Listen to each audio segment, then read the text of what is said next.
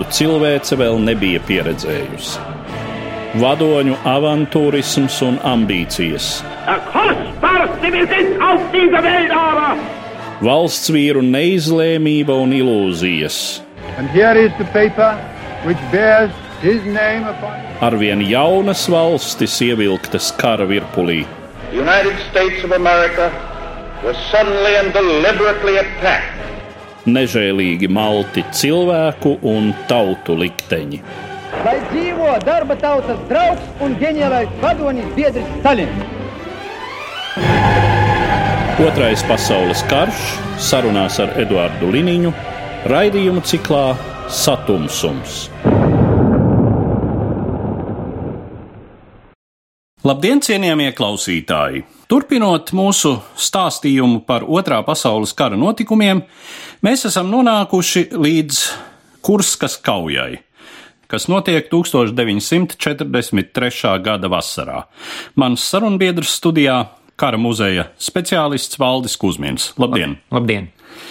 Runājot par Kurskas kauju, tā tad zināma kā pirmā lielā sarkanās armijas stratēģiskā uzvara vasaras laikā, Un 43. gada vasara faktiski tas ir tāds pagrieziena punkts visā otrā pasaules kara gaitā, kad nepārprotami Vācija un tās sabiedrotie sāk ciest būtiskas sakāves. 42. gada nogale, 43. gada sākums ir iezīmīga ar Staļingradas kauju, un mēs varētu sākt ar to, kas tad notiek starplaikā starp Staļingradu un Kursku. Kurskas kauja būtu uzskatām par vienu no pagrieziena punktiem. Tas ir diezgan liels hobijs militāriem vēsturniekiem sameklēt to vienīgo īsto pagrieziena punktu, pēc kura otrā pasaules kara liktenis jau bija pilnībā izšķirs. Nu, Kurskas kauja ir viena no tādām. 1942. gada beigās, novembrī, decembrī Vācija un tās sabiedrotie lielākoties Itālija cieta divus fundamentālus pamatīgus zaudējumus. Pirmais ir jūs minētā Staļingradas krāva, un otrs bija sakāva Ziemeļāfrikā un praktiski Ziemeļāfrikas evakuācija jau uz Sicīliju un Itālijas Eiropas kontinentu daļu. Staļingradas kauja bija zīmīga to, ka pirmo reizi sarkanai armijai izdevās īstenot plānu Vācijas bruņoto spēku ielenkšanas. Atsevišķa daļa, sestā armija, komandieris Paulus, ilgstoši līdz pat februāra sākumam turpinās cīnīties ielenkumā, ir varonīgs gaisa tilts, kas diemžēl ir nesekmīgs. Līdz ar to vācieši šo kauju ir zaudējuši un mērķis sasniegt Ziemeļkaukāza daļu, kur atrodas tajā brīdī lielākie PSRS naftas pārstrādes centri, ir zaudējis savu perspektīvu. Galvenais trieciens bija negluži tas, ka neizdevās sasniegt Ziemeļkaukās kā tādu, bet tas, ka nacistiskās Vācijas sabiedrotās valsts, kas bija iesaistījušās ne tikai vārdos, bet arī darbos, kara darbībā pret Padomju Savienību, Austrum frontē, savus spēkus no austrumfrontes aizvilka. Tā ir Rumānija, tā ir Itālija, tā ir Ungārija, kas ieņem ļoti plašas frontes teritorijas, taču nebija tik labi apbruņotas, apmācītas un kaujas spējīgas kā Vācijas bruņotie spēki, un līdz ar to šī Staļingradas sakāve padarīja tos zaudējumus daudz jūtamāks frontē, parādījās milzīgi caurumi, ko sarkanā armija plānoja arī izmantot. Un 1943. gada janvārī, februārī jau radās viedoklis, ka tūlīt Vācijas bruņotie spēki sabruks un sarkanā armija sāks padomju savienības teritorijas atbrīvošanu. Jo sevišķi tas bija manāms Dienvidu frontes armija grupas dienvidu daļā, un jau pirmās sarkanās armijas vienības sasniedz Dņepras upi. Pēc tam sekoja tāda ļoti interesanta nu, no tāda militārās vēstures viedokļa un arī pētnieku un armijas pētnieku viedokļa tā saucamā Manšteina ofensīva, jeb kauja pie Harkovas, kuras rezultātā no sākuma Harkova tika atstāta, pēc tam vēlreiz ieņemta, un šo frontes līniju izdevās stabilizēt. Stabilizēt viņi izdevās diezgan lielā mērā pateicoties tam, ka komandieri uz vietas Ēriks von Manšteins, kas vēlāk Kurskas kaujas laikā komandēja armiju grupu Dienvidi, pretojās Hitlera pavēlēm turēties par katru cenu un īstenot brīvu manevrēšanas taktiku, kas palīdzēja viņiem sakaut sarkanās armijas vienības un frontes līniju. Pavasarī nostabilizējās. Varētu teikt, jau marta beigās, aprīļa sākumā frontes līnija nostabilizēsies uz tādu stipri īsāku joslu nekā tas bija 1942. gada vidū. 1943. gada pavasarī tika veikts vairākas operācijas. Pirmām kārtām tika evakuēts tā sauktais Rževas izvirzījums, kas ļāva atbrīvot 9. armiju gaidāmajai Kurskas kaujai. Tāpat tika evakuēti Demjanskas placdarmi jau 42. gadā, un līdz ar to 43. gada vasarā šī frontes līnija bija nu, viena no īsākajām, kāda vispār kopš otrā pasaules kara sākuma ir bijusi, un tiem ierobežotajiem vācu spēkiem radās iespēja beidzot izbrīvot rezerves, Šīs rezerves pietiekami apmācīta. 1943. gada aprīlis, maijs, jūnijas bija tas posms austrumu frontē no paša kara darbības sākuma, kad visā šajā kara darbībā tika ciest vismazākie zaudējumi. Šie trīs mēneši bija absolūts kūrorts abās pusēs. Ja mēs skatāmies, cik trīs mēnešu laikā gājuši bojā cilvēki, sašaut tanki, tas bija burtiskā nozīmē klusums pirms vētras. Sarkanā armija papildināja savu spēku un plānoja, ko darīt, un tieši to pašu darīja arī Vācijas bruņotie spēki. Beidzot, viņiem bija tanku vienības, beidzot bija cerība, ka būs adekvāti bruņotas. Jau kopš paša kara darbības sākuma, gan tanku ziņā, gan savā ziņā arī pretanku ieroču ziņā Vācijas bruņotie spēki nevarētu teikt, ka bija gatavi tiem pārbaudījumiem, kurus sarkanā armija viņiem lika pretī. Tas bija tāds izšķiršanās jautājums, ko mēs darām 1943. gada vasarā pie šīs stabilās, nostabilizētās, īsās frontes līnijas ar tiem spēkiem, kas ir mūsu rīcībā, un ņemot vērā to, ka rietumu fronte praktiski vēl neeksistē. Kara darbība Ziemeļāfrikā ir beigusies, Itālijā vēl nav sākusies, savukārt Ziemeļfrancijā ir absolūts klusums tikai ar pāris sabiedroto lidmašīnu uzlidojumiem, kas 43. gada vasarā vēl bija varētu teikt, neefektīvi. Tātad notiek šāda nogaidīšana un spēku koncentrēšana. Kāpēc tieši Kurska, kāpēc šis frontes iecirknis ir tas, kurā notiek izšķirošā sadursme? Vācijas bruņoto spēku virspavēlniecībā notika ļoti plašas diskusijas. Notika vairākas konferences, kur piedalījās gan Manšteins, gan Heinz Gudrijāns, gan Hitlers, protams, pats par sevi, gan Sauzemes spēku štāba priekšnieks Caislers, Šajā gadījumā bija divi varianti. Variants, kuru pēc tam vēlāk savos memoāros aizstāvēja gan Eriks von Mansteins, gan Heinz Gudrijāns, ir nogaidīt, ja tas, ko viņi sauc spēlēt no otrās rokas. Nevis pašiem sāk aktīvu darbību, bet gaidīt, lai sarkanā armija sāk uzbrukt, un pēc tam pretuzbrukuma rezultātā iznīcināt uh, šo uzbrukumu. Šī taktika darbojās ļoti efektīvi gan 42. gada sākumā, gan 43. gada sākumā. Tā bija šī Mansteina uzbrukuma viena no panākuma atslēgām pēc tam, kad viņš turēja savus spēkus koncentrētus, sarkanā armija savukārt uzbruka, un pēc tam viņus ielēca un iznīcināja. Tas bija tas piedāvājums, kas viņiem likās vislabākais. Otrs variants, protams, bija pašiem aktīvi uzbrukt, pašiem diktēt spēles noteikumus, kurā vietā mēs uzbruksim un ko tieši mēs vēlēsimies iznīcināt. Un, ja mēs runājam par 43. gada ofensīvu, tad atšķirībā no operācijas Barbarosa 41. gada vasarā lielais strateģiskais mērķis bija nevis kāda strateģiska objekta vai teritorijas iekarošana. Šoreiz mērķis bija sarkanā armija kā militāra organizācija. Iznīcināt sarkanās armijas spējas pretoties pēc iespējas vairāk, tātad iznīcināt tankus, lielgabalus, dzīvo spēku un šādā veidā mēģināt izmainīt kara darbības gaitu. Jautājums bija, kurā vietā un ar kādiem paņēmieniem šo sarkanās armijas spēkus varētu iznīcināt visefektīvāk. Un Kurska tika izvēlēta dažādu apstākļu. Pirmkārt, tas ir apvidus, lielākoties tur nav ne meži, ne purvi, ir stepes. Un, protams, šis Kurskas izvirzījums, tad ap Kurskas pilsētu, Kurska atrodas sarkanās armijas rokās, nosacīt, teiksim tā, 50 km uz ziemeļiem ir Vācijas bruņotie spēki un 50 km uz dienvidiem ir atkal Vācijas bruņotie spēki, kur it kā varētu ielaimt šo izvirzījumu. Jo izvirzījums viņam nebija nekāda strateģiska nozīme svarīgi priekš Vācijas bruņotajiem spēkiem, un tas bija operācijas citadela, kā viņi tika nosaukts. Viens no pamatmērķiem ir iznīcināt šo sarkanās armijas spēkus un galvenokārt rezerves, par kuru bija skaidrs, ka šīs rezerves tiek sagatavotas, koncentrētas, apmācītas un apbruņotas. Kāds ir tas spēku samērs šajā laikā vispār sarkanajai armijai un Vācijas bruņotajiem spēkiem, un cik šis vācu plāns ir īstenojams novājināt sarkano armiju? Spēku samēru mērīt ir praktiski neiespējami. Jo te ir jautājums, kas tiek mērīts. Šeit nevar samērīt divus ūdens spaiņus, kas ir pilni tie divi sieti. Un tur visu laiku ielai līst ārā un tiek lietas klāt, un ja mēs skatāmies no kura līdz kuram datumam.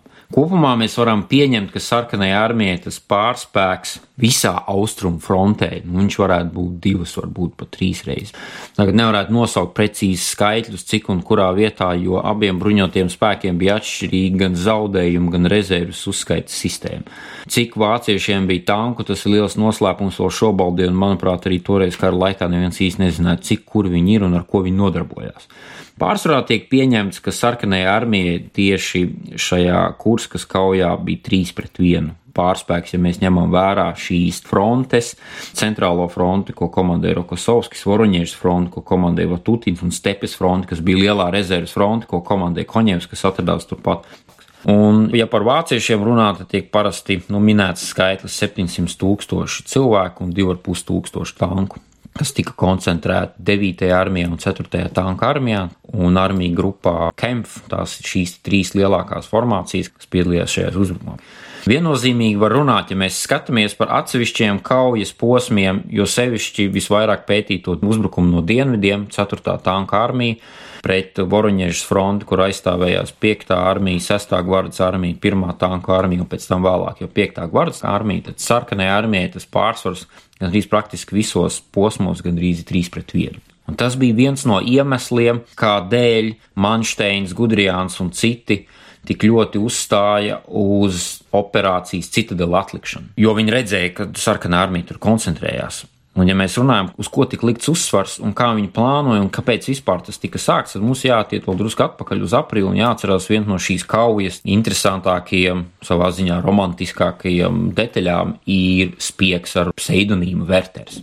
Nav īsti zināms, kas viņš bija. Tur ir vairākas versijas, bez mazliet Hitlera personīgais fotogrāfs. Arī tāda versija ir izskanējusi. Tātad tas bija savērvēts spiegs Vācijas bruņoto spēku ļoti augstos štābos, kurš jau ar dažu dienu starpību paziņoja par visiem plāniem. Teiksim, ir atmiņās minēts, ka jau aprīļa sākumā, pāris dienas pēc tam, kad tiek parakstīta direktīva par operāciju Citadeli, šīs direktīvas tekstu lasīja Josifs Staļins, un viņam jau bija viss diezgan skaidrs. Sarkanā armija zināja, ka būs uzbrukums šeit un gatavojās šo uzbrukumu atvairīt. Un šī gatavošanās bija fundamentāla, ar klasisku sarkanai armijai pieņemamu pamatīgumu. viens miljons mīnu, desmitiem tūkstošu ierakumu, bunkuru, satiksmes eju, tur varēja kilometriem noiet neizkāpjot virzemē, lielgabalu un vispārējais. Un, protams, Vācijas bruņoties spēki to redzēja no gaisa. Tas bija redzams ļoti labi, ka sarkanā armija ir gatava atvērīt šo triecienu. Bet šeit bija arī paradoks, ņemot vērā, ka operācija Citadela galvenais mērķis bija iznīcināt bruņotos spēkus, tad tas arguments tāds, jo vairāk sarkanā armija savus spēkus koncentrē šajā vietā, jo vairāk mēs iznīcināsim. Ņemot šo veco Gota Alariha teicienu, jo biezāk zāle, jo vieglāk to pļaut, jau pie Romas, ko viņš paziņoja pirms Romas nodedzināšanas. Viņi uzskatīja, ka beidzot tāda mums ir tehnika, ja bija jaunie panceri 6, jeb Tiger tanki, kuri beidzot bija pietiekami lielā skaitā un integrēti tanku divīzijās. Bija plāns, ka jaunie panceri 5, ja panter tanki, kas pirmoreiz parādījās Austrumu frontē, 190 kopējā skaitā teorētiski, bet tā kā viņi visu laiku lūza, tad praktiski viņi bija stipri mazāk jaunas lidmašīnas, jaunas artērijas koordinācijas metodas, aviācijas koordinācijas metodas, radars, kas parādījās lauka aerodromos, lai varētu labāk vadīt lidmašīnas. Un tas uzsvars tika likt, ka mēs esam labāk apmācīti, labāk apgādāti, tehniski spēcīgāk tādā organizācijas un karaspēka vienību vadības ziņā. Un jo vairāk viņi nāks, jo vairāk mēs iznīcināsim. Taisnība sakot, arī nespeciālistam šķiet diezgan, ja ne absurda, tad katrā ziņā avantūristiska šāda pozīcija, jo, kā zināms, uzbrukuma operācijās jau parasti uzbrucējs cieš lielākus zaudējumus. Jā, bija ļoti interesanti palasīt šos diskusijas par un pret, kādā veidā tas viss tiek izsvērts. Šajā gadījumā par piemēru mēs varam ņemt arī armiju grupas dienvidu, tā kā tās bija vissekmīgākais un visvairāk arī pētītā šī operācijas sastāvdaļa tad aprīļa sākumā izsūtītā direktīva precīzi nenorādīja, kurā vietā būs jānotiek uzbrukumam.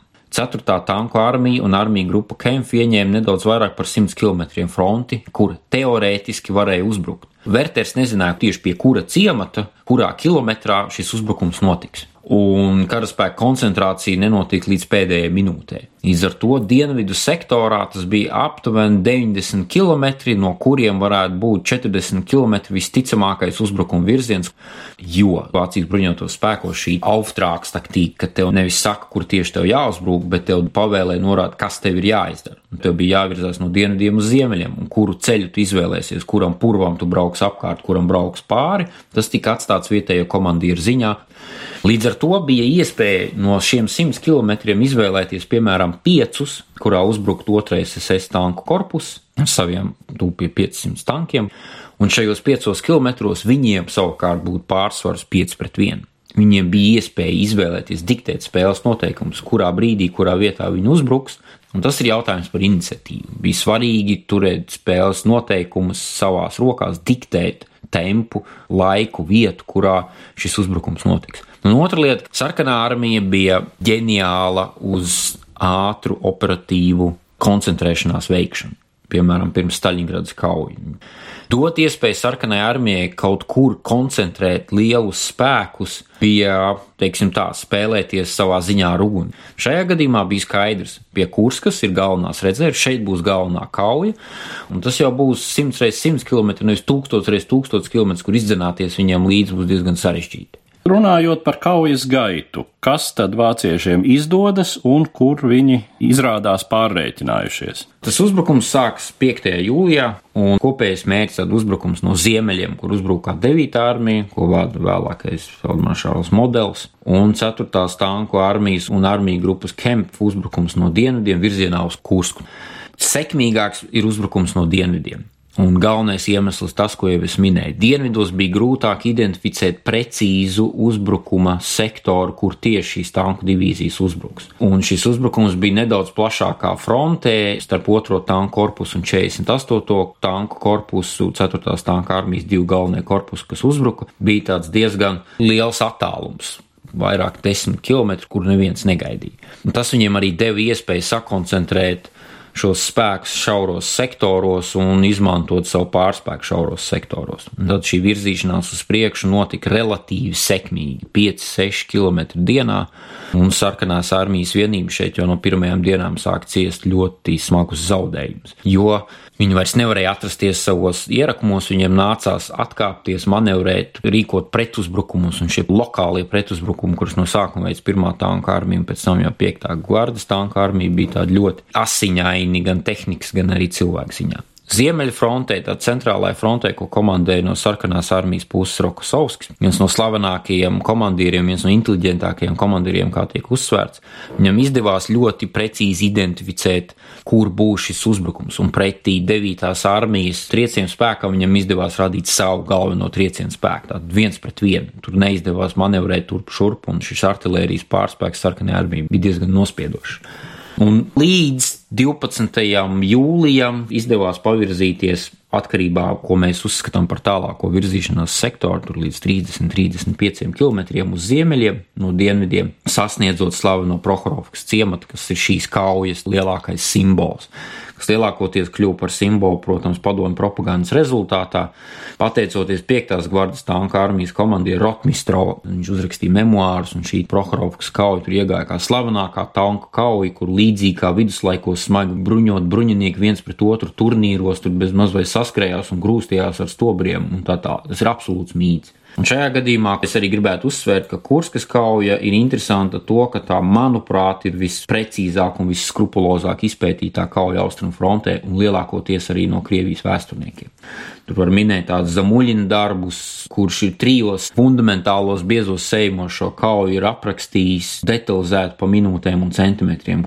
Šī Prohorovas kauja bija kā kulminācija tam galvenajam uzbrukumam, kas beidzās ar fantastisku sarkanās armijas sakāvu. Neskatoties uz to, ko viņi tur raksta, kur Vācijas bruņotie spēki, tiekš pateicoties savai taktiskajai organizācijai un ļoti precīzai izlūkošanai, gaidīja. Viņi zināja, ka nāk rezerves no austrumiem, no ziemeļa austrumiem, kur šīs rezerves tiks iesaistītas kaujās tieši Prohorovkas rajonā. Šeit ir arī ļoti svarīga nianses, kas arī bija svarīga ka Hots 4. tanka armijas komandieris viņš to nojaut, un lai gan viņam bija pavēle uzbrukt uz ziemeļiem, viņš deva pavēli apstāties, ziemeļu virzienā neuzbrukt, bet sagaidīt šo pretuzbrukumu, iznīcināt šos spēkus, un tikai tad mēs turpināsim uzbrukt uz ziemeļiem. Un šī kauja zaudējuma ziņā bija viena no asiņainākajām vispār. Un, ja mēs tā rēķinām, cik daudz krita, tad šī 5. gvardas tanka armija kaujā iesaistījās ar 642 tankiem, kas 12. jūlijā rītā tuvojās Prohorovkas ciematam starp divām upju ielām. Tas bija relatīvi neliels lauks, pāris kilometru plats un 10 km garš. 642 tanku kaujā iesaistījās, no kuriem līdz dienas beigām 340 tika iznīcināti. Un tie ir fantastiski zaudējumi vienā kaujas dienā. Pēc tam jau pēc Kurskas kauja bija izveidota arī speciāla izmeklēšanas komisija Maļenko vadībā, kurā izmeklē, kā varēja gadīties, ka vienā dienā tiek zaudēti vairāk nekā 300 tanki bez jebkādiem reāliem ieguvumiem. Un tas bija tieši šis vācu arguments, kāpēc viņi vispār sāk uzbrukumu un kāpēc tas strādāja. Viņa informācijas aprit no priekšējām vienībām, štābiem, štāvu, lēmumu pieņemšanas ātrums un veids un brīvība, kas tika dot zemākajiem komandieriem, kā karot, kur likt tankus, kur ierakties, kur likt lielgabals, atkāpties kilometru vai pabīdīties pa labi, pa kreisi, deva viņiem šo priekšrocību. Un Kurskas kauja 17. jūlijas ir pēdējais datums, kad tas beidzās. Tur vēl tiek ielankta sarkanās armijas vienības dienvidu frontē bet kauja apstājās un lielā strateģiska operācija tiek apturēta. Un ir, protams, ļoti plaša diskusija, kāpēc tas notiek. Un ir vairāki lieli argumenti. Pirmais, 9. un 10. jūlijā sākas izsēšanās Sicīlijā, un 17. jūlijā šis otrais tanku korpus SS jau tiek atsaukts no frontes ar mērķi pārvietot viņus uz rietumu fronti, ko daļēji arī īstenoja. Un otrs bija tas, kas pierāda otrās rokas principu, jeb tāds pasīvās nogaidīšanas principu veiksmi. Ziemeļfrontē, kur notika 9. armijas uzbrukums, ko parasti nekad nekur nepiemin, bet kamēr 9. armija uzbruka virzienā no ziemeļiem uz dienvidiem, viņiem aizmugurē tā sauktē Orlas izvirzījumā sākās sarkanās armijas rietumfrontes uzbrukums, kur vispār neviena nav. Šis uzbrukums sākas 12. jūlijā un notiek ļoti pamatīgs iebrukums, Un, ja viņi pavirzītos vēl drusciņi, respektīvi tikpat tālu, cik viņi pavirzījās pirmajās pāris dienās, tad viss šī 9. armija, kas plānoja uzbrukumu Kurskai, būtu pilnībā ielēgta un iznīcināta. Līdz ar to sarkanā armija perfekti īstenoja to, ko ieteica īstenot Manšteins. Nogaidīt, kur viņi uzbruk, un pēc tam ielēkt. Šis ielēkums neizdevās pilnībā, bet uzbrukums ziemeļu sektorā tika momentāli apturēts, Varbūt viņš būtu sekmīgs, varbūt nebūtu sekmīgs. To ir grūti spriest. Galvenais iemesls nebija tas, ka Rokosovskis sekmīgi aizstāvējās. Galvenais iemesls bija tas, ka viena nedēļa pēc uzbrukuma sākuma pēkšņi ir uzbrukums aizmugurē. Un līdz ar to tur vairs nav diskusija, ko viņi varēja darīt. Viņam vajadzēja tanku vienības no turienes vilkt ārā, un tas viss beidzās. Dienvidu frontē šī uzbrukuma varētu arī turpināt. Un to arī raksta arī Manšteins, ka viņi palūgtu vēl kādas rezerves klāt un turpināt šo uzbrukumu vēl būtu ļoti sekmīgi. Bet Tā kā ziemeļos viss bija beidzies, rietumu frontē jau sākās sabiedroto uzbrukums, tad bija skaidrs, ka nekādas lielas strateģiskas ofensīvas vairs nav iespējams.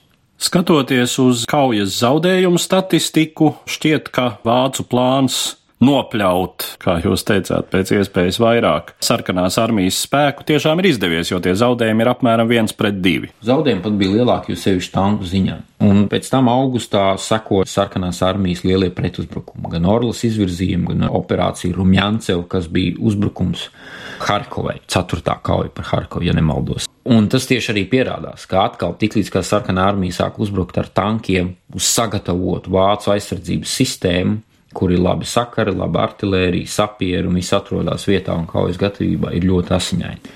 Un augusta uzbrukumi, sarkanās armijas pretuzbrukumi pēc it kā jau uzvarētas Kurskas kaujas bija vēl asiņaināk nekā pati Kurskas kauja. Jūlijas, augusts, septembris, ja mēs skatāmies šajos trijos mēnešos, sarkanā armija zaudēja vislielāko cilvēku skaitu visā otrā pasaules kara vēsturē - 2 miljoni 800 tūkstoši cilvēku no kuriem 800 tūkstoši bija neatgriezeniski zaudējumi, kritušie un bezvēsts pazudušie, un 2 miljoni ievainoto. Un, ja šāda kara darbība tikpat intensīva, tik lieliem zaudējumiem būtu turpinājusies arī oktobrī, novembrī, decembrī, tad sarkanā armija būtu vienkārši beigušās baterijas. Tanks viņi vēl ražot, benzīnu viņam atvest no ASV, ja vajadzētu, vai no Irānas, alumīniju jau vedu un pievest vēl.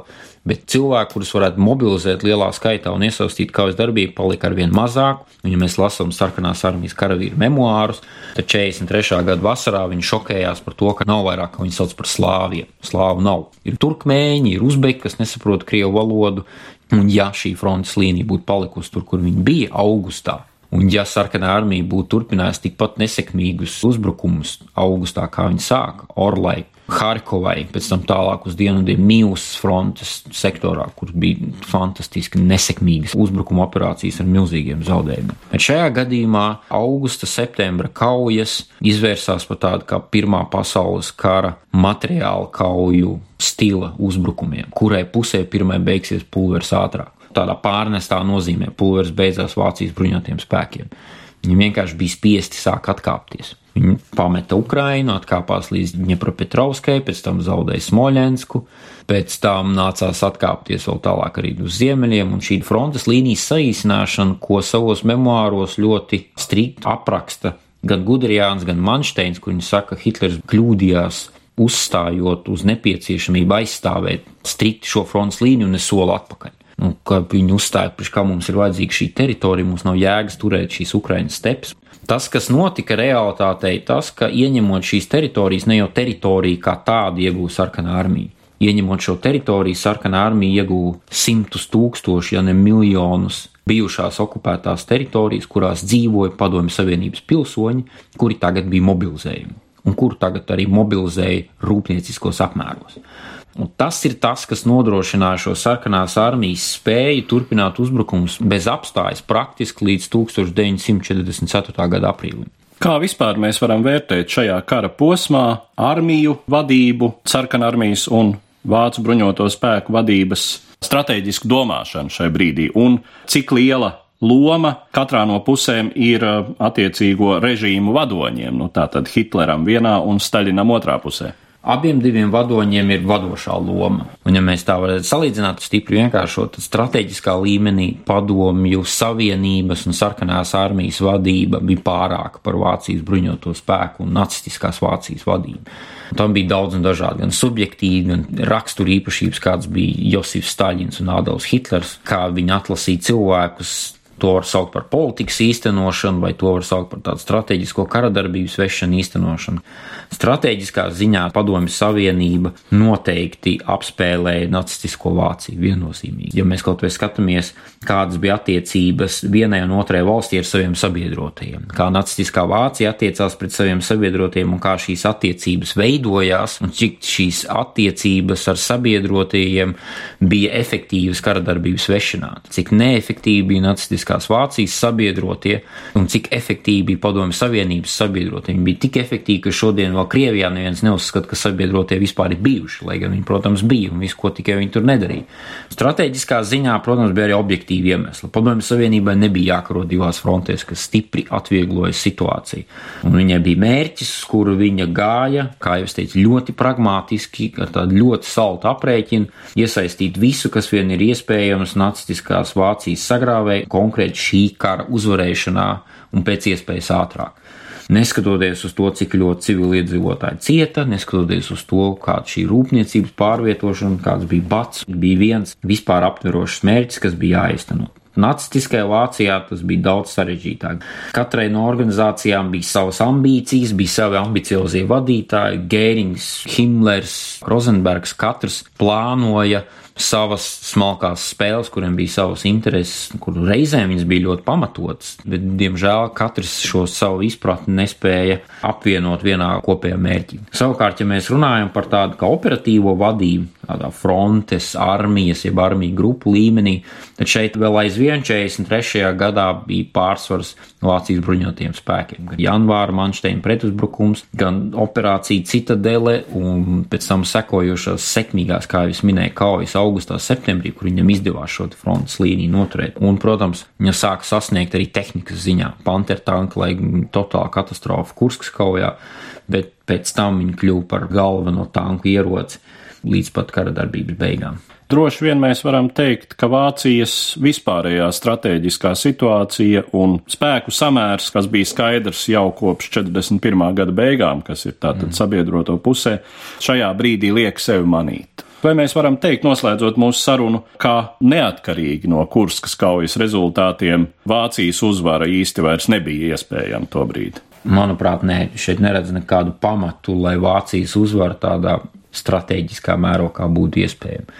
Jo ASV, Britu impērijas, Padomju Savienības, Ķīnas un dažādi citi sabiedroto resursi gan ekonomiskie, rūpnieciskie, industriālie un cilvēku resursi bija nesalīdzināmi lielāki par to, ko varēja likt priekšā Vācijas bruņotie spēki.